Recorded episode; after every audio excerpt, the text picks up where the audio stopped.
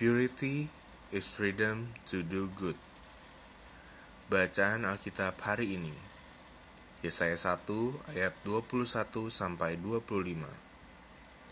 Bagaimana ini? Kota yang dahulu setia sekarang sudah menjadi sundal.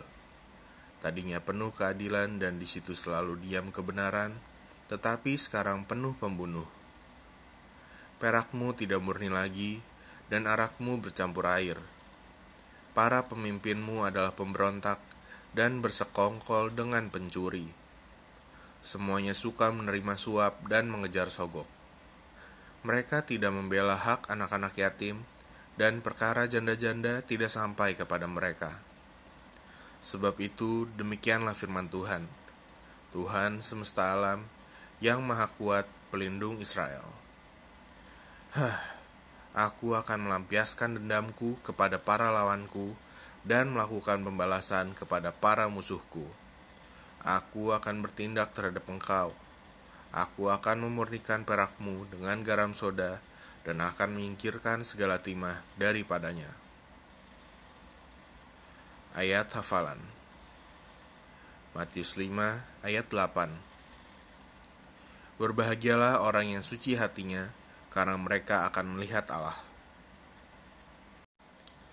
Renungan inspirasi Kita bisa melihat kemarahan Tuhan dalam bacaan Alkitab hari ini tentang hukuman atas Yerusalem. Nabi Yesaya mengatakan, Perakmu tidak murni lagi dan arakmu bercampur air.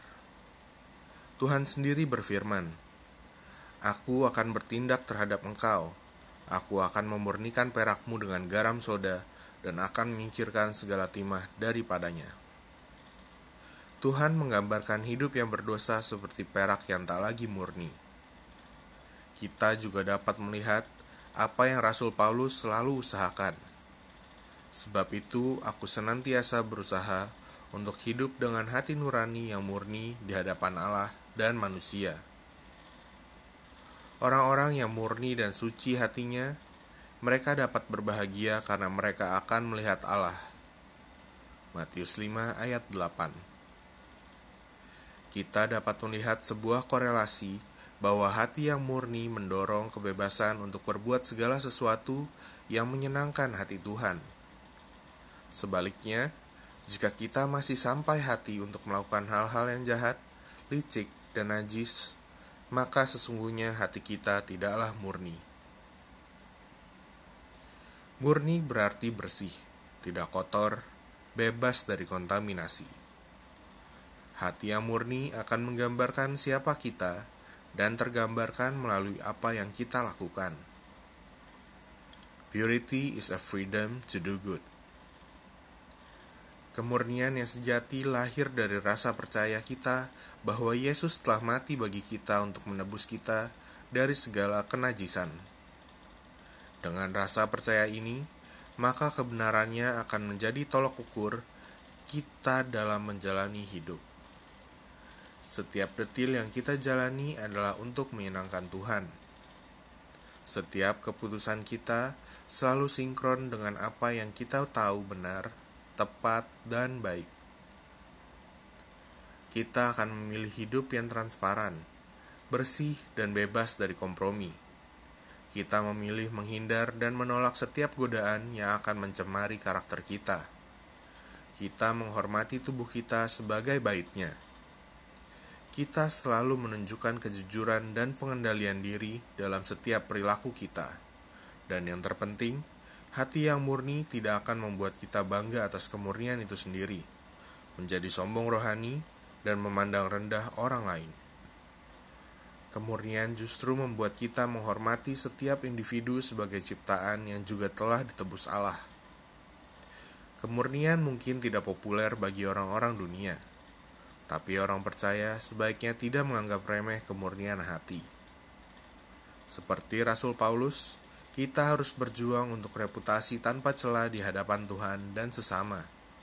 Dan kuncinya adalah kemurnian. Mazmur 51 ayat 6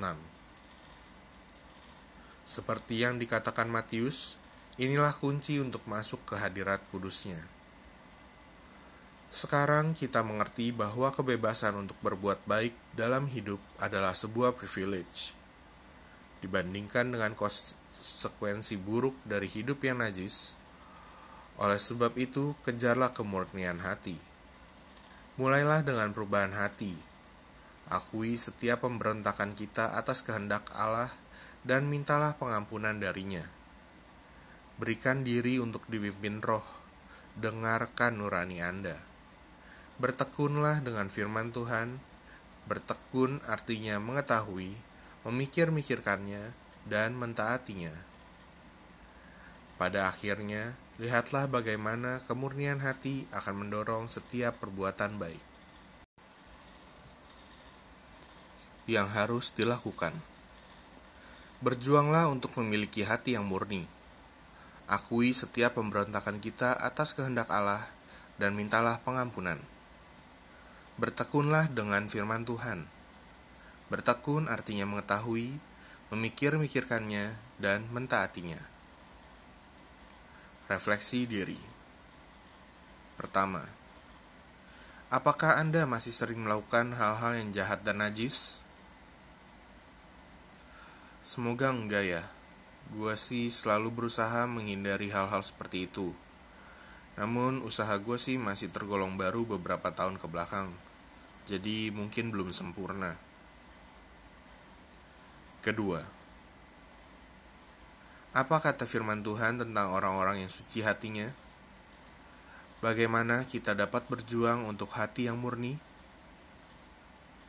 Orang yang suci hatinya akan melihat Allah. Menurut gue sih sebagai manusia kita harus berserah di dalam Tuhan dan minta agar Roh Kudus selalu membimbing, menjaga, dan mengingatkan kita, agar kita dapat memiliki hati yang murni dan tetap menjaga kemurnian itu jika kita sudah memilikinya. Amin. Hikmat hari ini Keep your heart pure. A pure heart is necessary to see God in each other. If you see God in each other, There is love for each other, then there is peace. Mother Teresa Jagalah kemurnian hatimu. Hati yang murni diperlukan untuk melihat Tuhan dalam diri satu sama lain. Jika Anda melihat Tuhan satu sama lain, ada cinta satu sama lain, maka ada kedamaian. Pokok doa. Bersihkanlah aku daripada dosaku ya Tuhan, maka aku menjadi tahir. Basuhlah aku ya Tuhan, maka menjadi lebih putih dari salju. Sembunyikanlah wajahmu terhadap dosaku, hapuskanlah segala kesalahanku. Jadikanlah hatiku tahir ya Allah, dan perbaharuilah batinku dengan roh yang teguh. Amin.